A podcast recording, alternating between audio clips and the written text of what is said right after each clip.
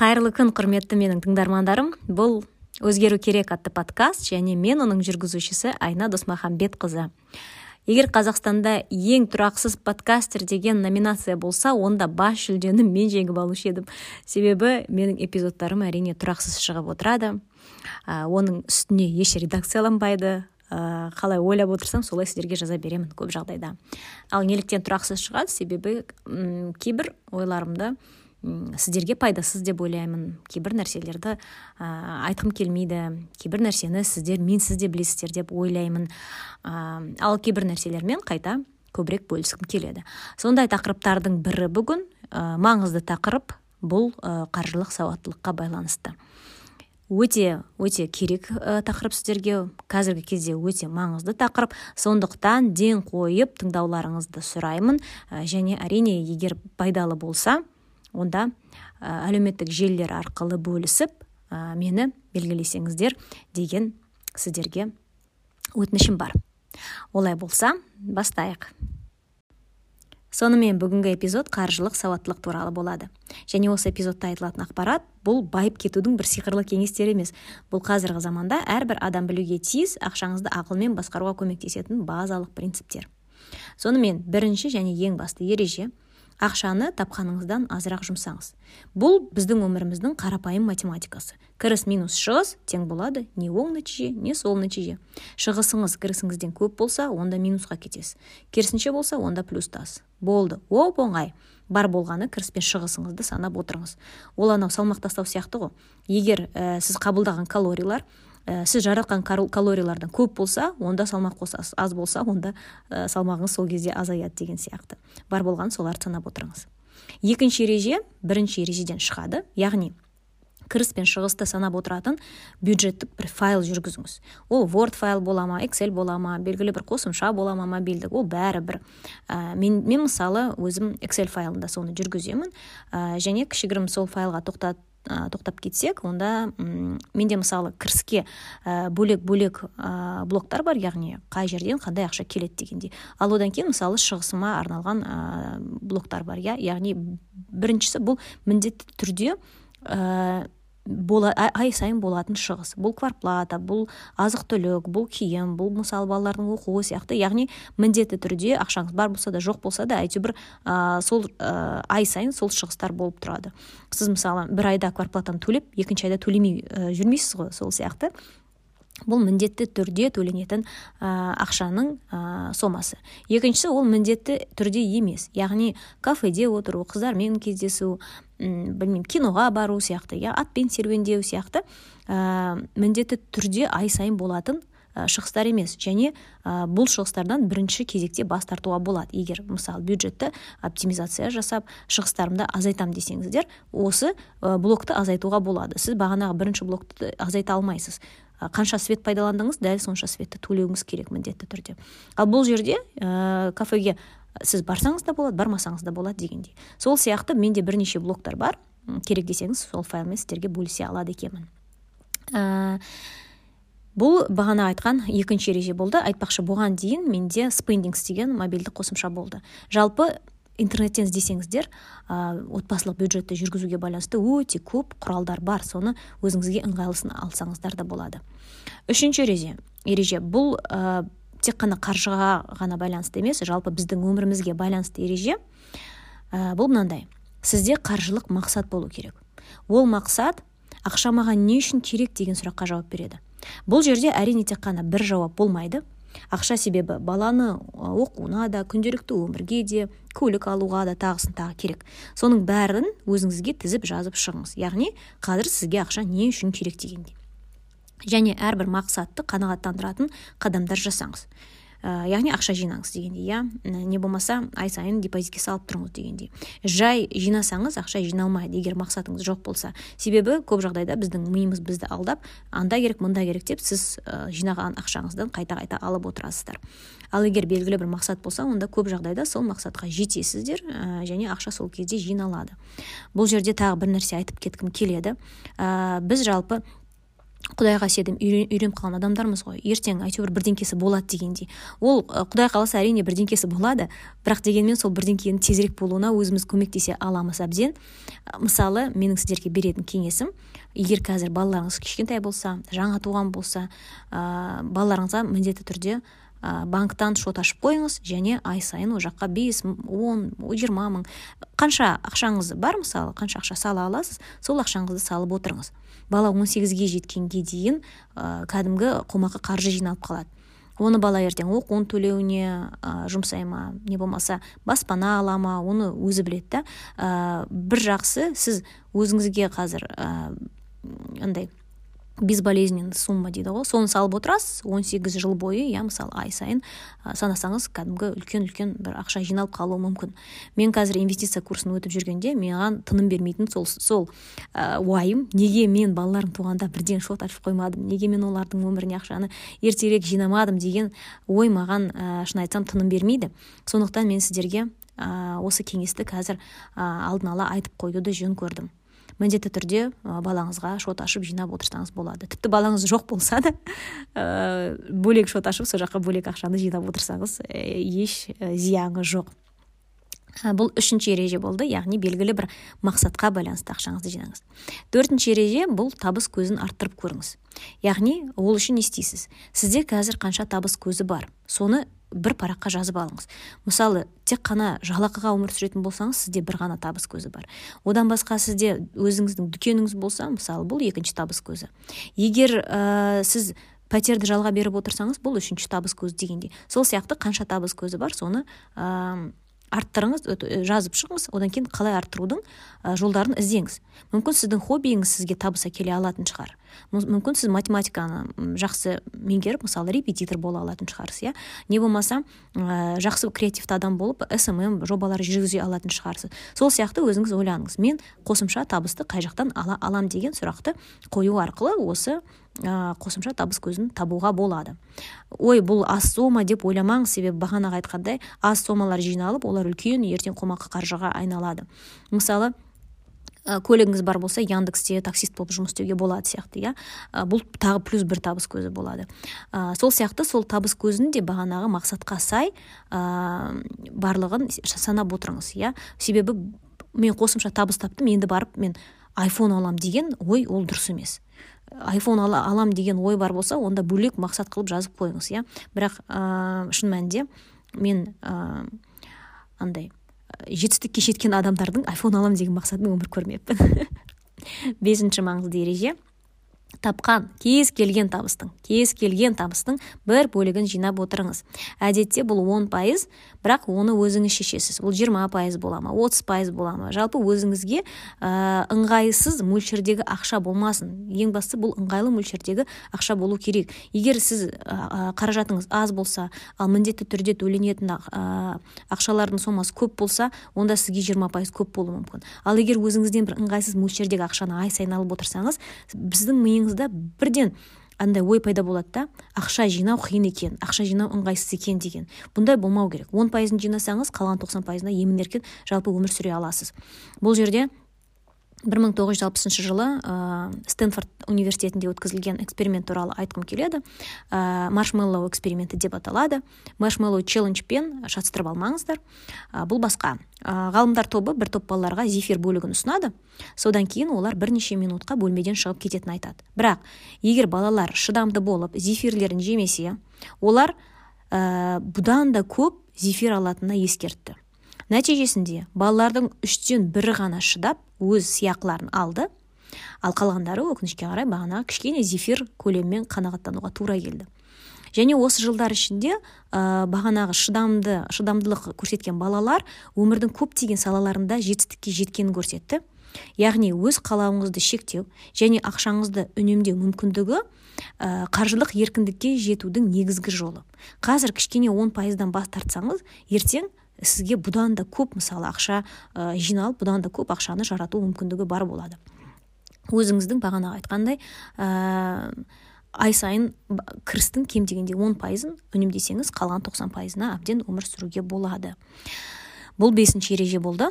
Енді артын алтыншы ереже бұл қаржылық резерв жасаңыз. Естеріңізде болса коронавирус кезінде көп адамдар ақшасыз қалды. Ә, себебі бағанағы айтқан қаржылық резерв болған жоқ. Қаржылық резерв деген не? Бұл яғни сіздің алты айлық ә, шығысыңызды санайсыз. Мысалы бір айда орта есеппен қанша ақша сізге керек? Бағанағы айтқан міндетті түрде ең керек дегендерді бірінші санайсыз одан кейін онша керек емес ау осыдан бас тартуға болады ау деген ә, шығыстарыңыз болады. Ә, тағысын тағы әйтеуір орта есеппен бір айда қанша ақша санайсыз жұмсайсыз? Егер бір айда орта есеппен 200 мың жұмсасаңыз онда сіздің қаржылық резервіңіз 200 мың көбейту алты яғни алты айға мың екі жүз болады иә? Мың екі жүз болғанда бағанағы миллион екі жүз теңге.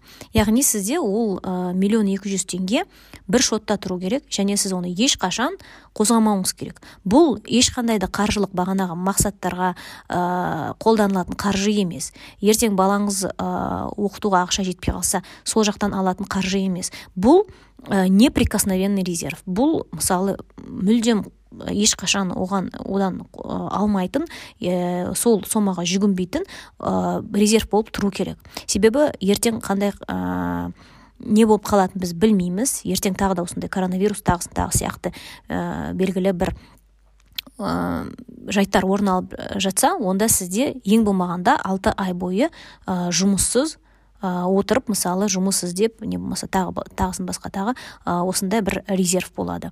Бұл өте керек нәрсе бұл әрбір адамда болуға қажет нәрсе. Сондықтан осы қаржылық резервті жасаңыз. Жалпы бұл жерде өз қаржылық деңгейіңізді бағанағы айтқандай санаған дұрыс санаған жөн ә, тағы да қайталап өтемін. Бұл қалай саналады? Иә барлық ақшаңыз ә, минус барлық қарыздарыңыз. Айтпақшы бұл жерде маңызды нәрсе сізде қарыз болмау керек. Жалпы ең маңызды нәрсе бұл ақша тапқаннан кейін қарызыңыз бар болса міндет, міндетті түрде бірінші кезекте қарызыңыздан құтылыңыз. Осы сияқты ә, санап аласыз және осы бағана қаржылық резервті жасайсыздар. Үм, бағанағы айтқан неге байланысты? Ә, қаржылық деңгейіңізді санауға байланысты бағана ә, айттым иә барлық ақшаңыз минус барлық қарыздарыңыз. Көп адамдарда бұл минус бола алады жақсы емес бірақ бәрі бітті деп депрессияға кететін де жағдай емес. Үм, минус болса не істей аласыз иә бағанағы айтқандай қалай ә, ол минусты плюсқа айналдыру яғни табыс көздерін қалай көбейту керек деген сұраққа жауап бересіз. Міне жетінші ереже бұл бірінші кезекте барлық қажеттіліктеріңізді қанағаттандырыңыз. Яғни егер сіз тапқан ақшаңызды бірден бағанағы екінші блоктағы нәрсеге жіберсеңіз онша керек емес нәрсеге жіберсеңіз онда керек нәрсеге ешқашан ақша жетпей қалады. Сондықтан ақша келгенде бірінші кезекте бағанағы айтқандай иә ә, тамақ баспана киім сол нәрсеге жеткізіңіз. Ал одан кейін мысалы айфон сізге керек па керек емес па деген сұраққа жауап берсеңіз болады. Яғни жетінші ереже бірінші кезекте базалық қажеттіліктеріңізді қанағаттандырыңыз. Сегізінші ереже бағанағы бұл айтқан ең алдымен қарыздардан құтылыңыз. Одан кейін ғана ақша жинайсыз ба айфон аласыз ба тағысын тағы. Жалпы ә, ден дұрыс адамда қарыз болмау керек та. Көп адамдар қарызды алады да ә, екінші адамнан қарыз алып біріншісін жабады. Одан кейін тағысын алып сондай өмір бойы қарыздан қарызға кіріп кіріп құтылып ә, құтыла алмай жүреді. Ал негізі қарыздан құтыламын деген шын ниет болса онда сіз кірген кірістің он елу жүз теңгесін болсын жинап отырсаңыз уақыт өте сол қарыздарыңызды жабатындай да сома жиналады. Және сіздің репутацияңыз бұзылмайды. Көп жағдайда адамдардың қарым қатынастары осы ә, ақшаға байланысты бұзылып жатады. Ә, қарыз алдыңыз ба міндетті түрде беріңіз. Бере алмай жатырсыз ба телефоныңызды өшіріп ә, бағанағы сіз өзіңіз қарыз болып қалған адам, адам телефон шалғанда мен жоқ деп айт деп ә, не болмаса телефонды көтере алмаймын сосын звондаймын деген нәрседен аулақ болыңыз. Егер сіз қарыз алуға батылдығыңыз онда қайтара алмай жатырмын. Ә, міндетті түрде қайтарам деп телефонды алып айтуға да батылдығыңыз жету керек. Көп адамдар телефон сөндіріп тастайды тағысын тағы сондай бір ә, әрекеттерге барып жатады бұл өте дұрыс емес. Қарыздан ең болмағанда сізге қарыз берген адам ол сомаға уайымдамайды шын айтсам. Ә, бұл сіздің ә, осындай әрекетіңізге де уайымдауы мүмкін да. Сондықтан кішкенеден кішкенеден болсын беріп отырсаңыз онда сол, сол бағанағы жоғалып кетуден әлдеқайда жақсы. Сондықтан бұл ереже бұл ереже де қаржылық ә, сауаттылыққа байланысты және ә, бай болудың дейді ғой бір ә, энергетикалық ережелердің бірі. Себебі сіздің қарызыңыз бұл сіздің ә, дұрыс емес энергетикаңыз иә яғни бұл байлыққа сізді апармайды. Сондықтан бұл маңызды ереже. Тоғызыншы ереже.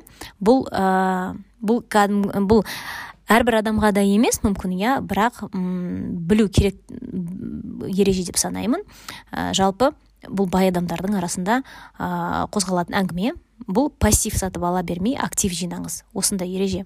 Ә, бай адамдар және кедей адамдардың айырмашылығы қандай? Бай адамдар пассив сатып алмайды олар актив сатып алады. Актив деген не? Актив бұл сізге ақша әкелетін нәрсе. Мысалы сіз көлік сатып алдыңыз дейік иә? Көлік сатып алдыңыз. Бұл пассив па бұл актив па?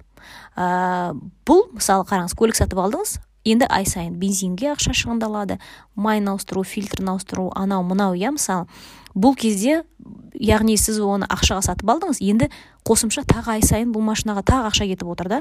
Ол ақшаны жей береді жей береді жей береді. Бұл пассив бұл кезде бұл көлік бұл пассив болып қалды.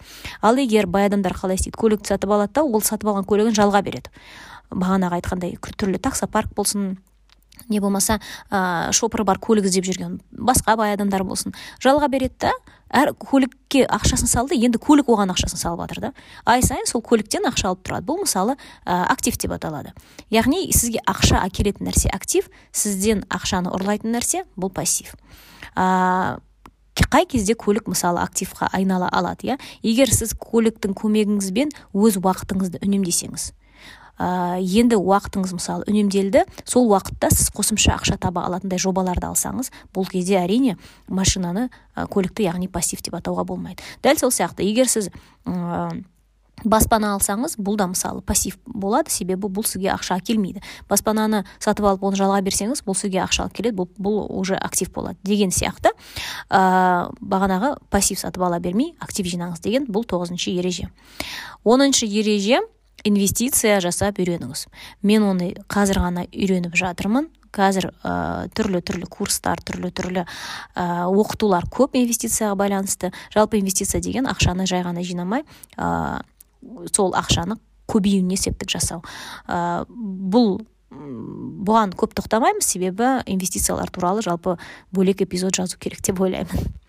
Он бірінші және ең ә, соңғы ереже ең алдымен қаржылық сауаттылықтан ә, мүмкін болса оқу оқып алғаныңыз дұрыс болады.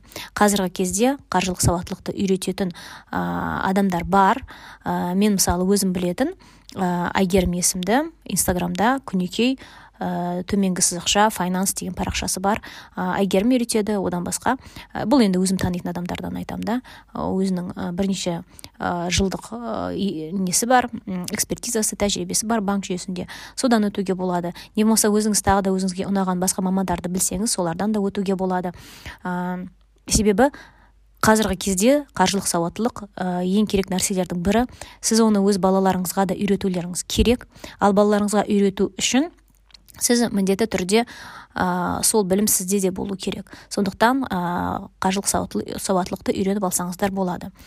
Ал қазір м, сіздерге қосымша ретінде бағанағы айтқан әйгерімнің депозитті ә, қалай таңдау бойынша кішігірім ә, аудио жазбасын ұсынамын. Себебі көп адамдардың уайымдайтыны осы. Яғни қай банктен ашамын қай банк ашқан дұрыс деген сияқты. Иә кейбір адамдар оның процентный ставкасына қарайды кейбір адамдар қаншалықты бұл, бұл банк сенімді сенімсіз дегеніне қарайды. Ә, бұны өздеріңіз шешіп аласыздар. Ә, мысалы кейбір адамдар діндегі адамдар депозит ашуға мүлдем болмайды дейді. Ә, бұны әр адамның еншісіне қалдырамыз. Ал қазір біз осы сұраққа байланысты әйгерімнің берген кеңестерін тыңдап көрейік. Сәлем достар. Мен күнекей нұрлан қаржыгер қаржы кеңесшісі. Өзім туралы айтып кетсем ә, жалпы тәжірибем қаржы саласында 13 жыл банк саласында қызмет етіп келгем. Ә, қазіргі кезде менің компаниям жеке және заңды тұлғаларға қаржылық кеңес аясында қызмет атқарып келеді. Жеке тұлғаларға келетін болсақ ол несие сұрақтары ә, жеке бюджет отбасылық бюджет инвестиция сұрақтар және тағы да басқа ә, жеке адамның қаражатын ұйымдастыру басқаруға байланысты мәселелер. Заңды тұлғаларға келетін болсақ ол бизнесті бағалау инвестициялық сүйемелдеу қаржылық модель қаржылық жобаны дайындау франшизаны дайындау ә, деген сияқты осындай заңды тұлғаларға кішігірім бизнестерге біз көмектесеміз. Инстаграмда қаржылық сауаттылыққа байланысты блог жүргіземін осы блогтың арқасында осы жылы қаржылық сауаттылықты арттыру онлайн курсын шығарған болатын ол финансология деп аталады. Финансология қазір орыс тілінде жүргізіледі бірақ осы бір екі айдың ішінде біз финансологияны қазақша да жүзеге асырамыз деген ойымыз бар. Енді қаржы саласына келетін болсақ мен тағы да ғылыми зерттеу жұмыстермен де айналысамын ол менің phd жұмысыма байланысты. Бұйырса экономика ғылымдарының докторы атағына да жетіп қалармын.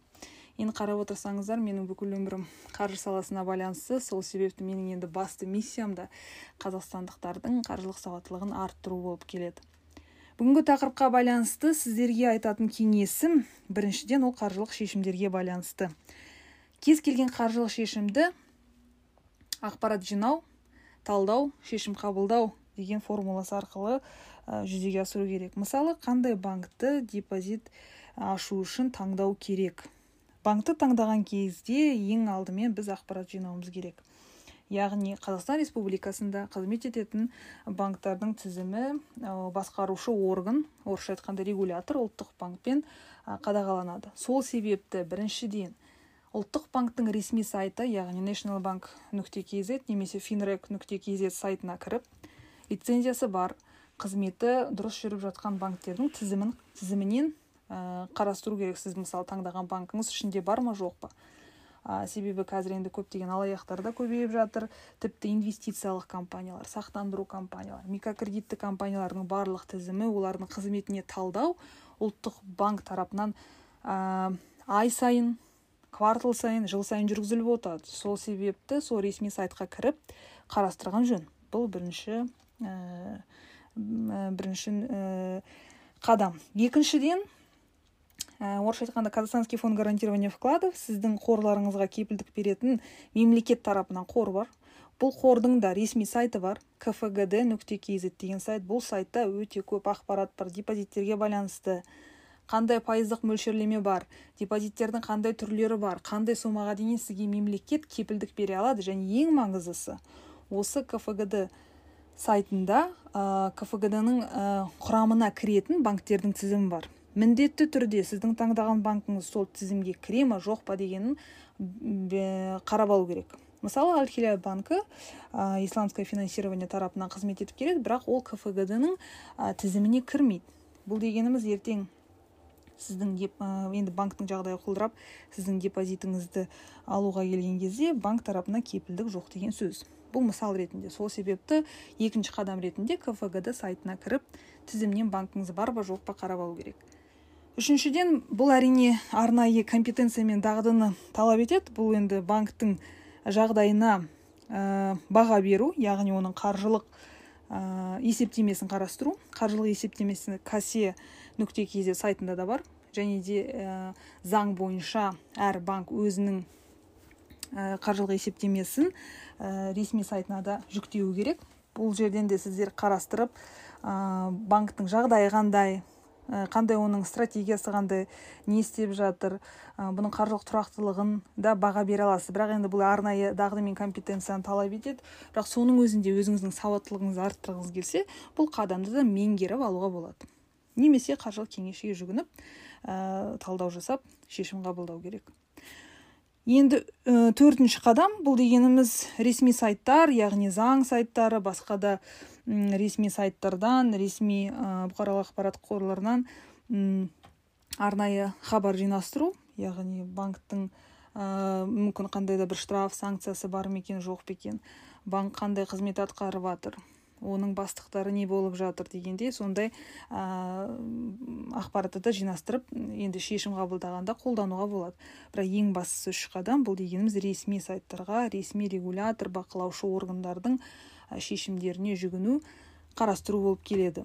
Өйткені бізде көбінесе халық банкті таңдаған кезде ой үйімнің жанында жақын осы отделение содан барып депозит аша салайын немесе сонда барып несие ала салайын деп айтады. Немесе көршім айтты сонда бару керек деп. Бұл енді сауаттылық деңгейі төмен өте деңгейі төмен адамдардың талдау қабілеті жоқ критикалық ойлау дейміз ғой. Ә, жоқ ә, кезде қабылданатын шешімдер. Сол себепті өзіңіздің ақшаңыздың болашағын келешегін ойлағыңыз келсе осындай кеңеске жүгінгеніңіз жөн болып келеді. Әйгерімге көп көп рахмет. Ал ә, қорытындылай келе сіздерге айтатыным. Қаржылық сауаттылық ә, қиын болып көрінуі мүмкін. Сонда мен не ай, сайын өз шығындарымды тиындарына дейін жазып отыруым керек па? Ал егер мен бес теңгеге сағыз сатып алсам онда жазуым керек па? Парковкаға жүз теңге төлесем онда жазу керекпін ба? Ал менің қосымша табыс көздерім жоқ. Сонда мен не депозит ашатын кезде міндетті түрде әр банкті сараптап отыруым керек па? Оның ә, кфгд сайтына кіріп оның бар ма жоқ па қарауым керек па? Деген түрлі еріншектердің сылтаулары тууы мүмкін. Бірақ сіздерге бір айтатын нәрсе адамға байлық жайдан жай келмейді егер сіз рокфеллердің немересі болып тумасаңыз. Ә, тіпті тусаңыз да қазір көптеген бай адамдар өзінің балаларына ештеңе қалдырып жатқан жоқ. Қаржылық сауаттылық бұл бұл да бағанағы сауаттылық деп бекер айтылмаған ғой. Бұған да еңбектену керек. Сізге көп ақша бостан бос ә, және оңайдан оңай келмейді. Және бай адамдар олар да жай ғана бай бола салған жоқ. Бұл ақшаны дұрыс басқару ақшаның тілін түсіну сол арқылы келген нәрсе. Егер бұндай қадамдар жасағыңыз келмесе онда ертең сіз салған ә, ақша салған банк егер күйіп кетіп жатса өз сомаларыңызды қайтара алмасаңыздар онда әлеуметтік желіге де ойбайлап жазудың қажеті жоқ.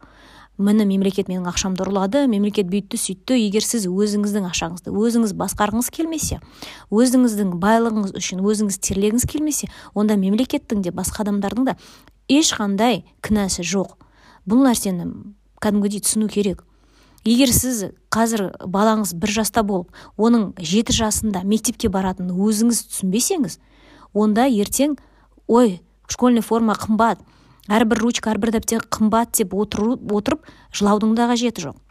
Егер қазір ә, қызыңыз бойжеткен болып қазірден бастап оған жасауын жинап ә, мысалы ертеңгі өміріне тойына ұлыңызды болсын қызыңызды болсын дайындамасаңыз онда ертең ой мейрамханалар қымбат ойбай көйлек қымбат деп ә, жылап отырудың да ешқандай қажеті жоқ. Бұл ешкімнің кінәсі емес бұл тек қана сіздің кінәңіз. Егер сіз уақытылы еш нәрсеге дайын болмасаңыз егер қазірден бастап өзіңіздің шығындарыңызды жазып отырмасаңыз кіріс көздеріңізді қалай көбейту керек екенін ә, білмесеңіз және бос уақытыңызда сол кіріс көзіңізді арттырмай ә, инстаграмда түрлі түрлі жұлдыздардың парақшасында отырып негативті коммент жазумен бос уақытыңызды өткізсеңіз онда ертең сіздің керек кезде ақшаңыз жоқ болатынына ешкім кінәлі емес. Оксана самойлова мальдиваға барады екен анау бүйтеді екен мынау бүйтеді екен мынау ақшаны ұрлады екен ә, мыналар коррупционер екен деп отырудың орнына кішкене болса да компьютеріңізді ашып шығындарыңызды санап кірістеріңізді санап кішкене кішкене болсын бір жүйеге келтірсеңіз онда ертең кәдімгі бай демей ақ қояйын бірақ тұрақты өмірге алғашқы қадам жасауларыңыз осы деп санаймын. Сондықтан анау қиын мынау қиын мен мынаны жасамаймын маған мынау ұнамайды ә, деп отыруға да болады. Ал оның орнына кәдімгідей өзіңізді ә, жинақылап иә ә, отырып бағанағы қадамдардың барлығын жасап ең болмағанда ай сайын ә, келген кірістің кәдімгідей он пайызын жинап отырып содан да бастасаңыз болады. Жалпы айтылған бағанағы он бір кеңестің ең болмағанда бір екеуін қазірден бастап қолға алып жасасаңыз онда ертең бірнеше жылдан кейін болсын бәрібір иә бірнеше айдан кейін болсын бұл сіз қаншалықты тұрақты жасайтыныңызға байланысты.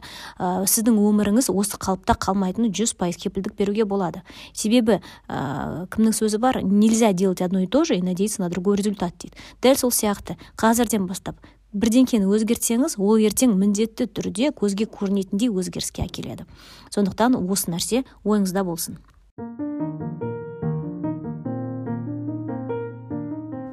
Ақша біздің өміріміздің ажырамас бөлігі. Ол жақсы да емес жаман да емес. Ол қолдың кірі де емес әлемдік зұлым да емес. Бұл жай ғана құрал. Және сіз оны қалай қолдансаңыз ол сізге дәл сондай нәтиже әкеледі. Бүгінгі подкасттағы 11 ережені және әйгерімнің айтқан кеңестерін пайдалана отырып сіздер өз қаржылық сауаттылықтарыңызды сәл де болса көтердіңіз деп ойлаймын. Және бұл подкаст ұнаса онда міндетті түрде әлеуметтік желілерде таратып мені белгілеп подкасттың астына өз бағаңызды қойып пікірлеріңізді қалдырып кетсеңіздер болады. Сіздерге көп көп рахмет. Келесі эпизодтарда кездескенше.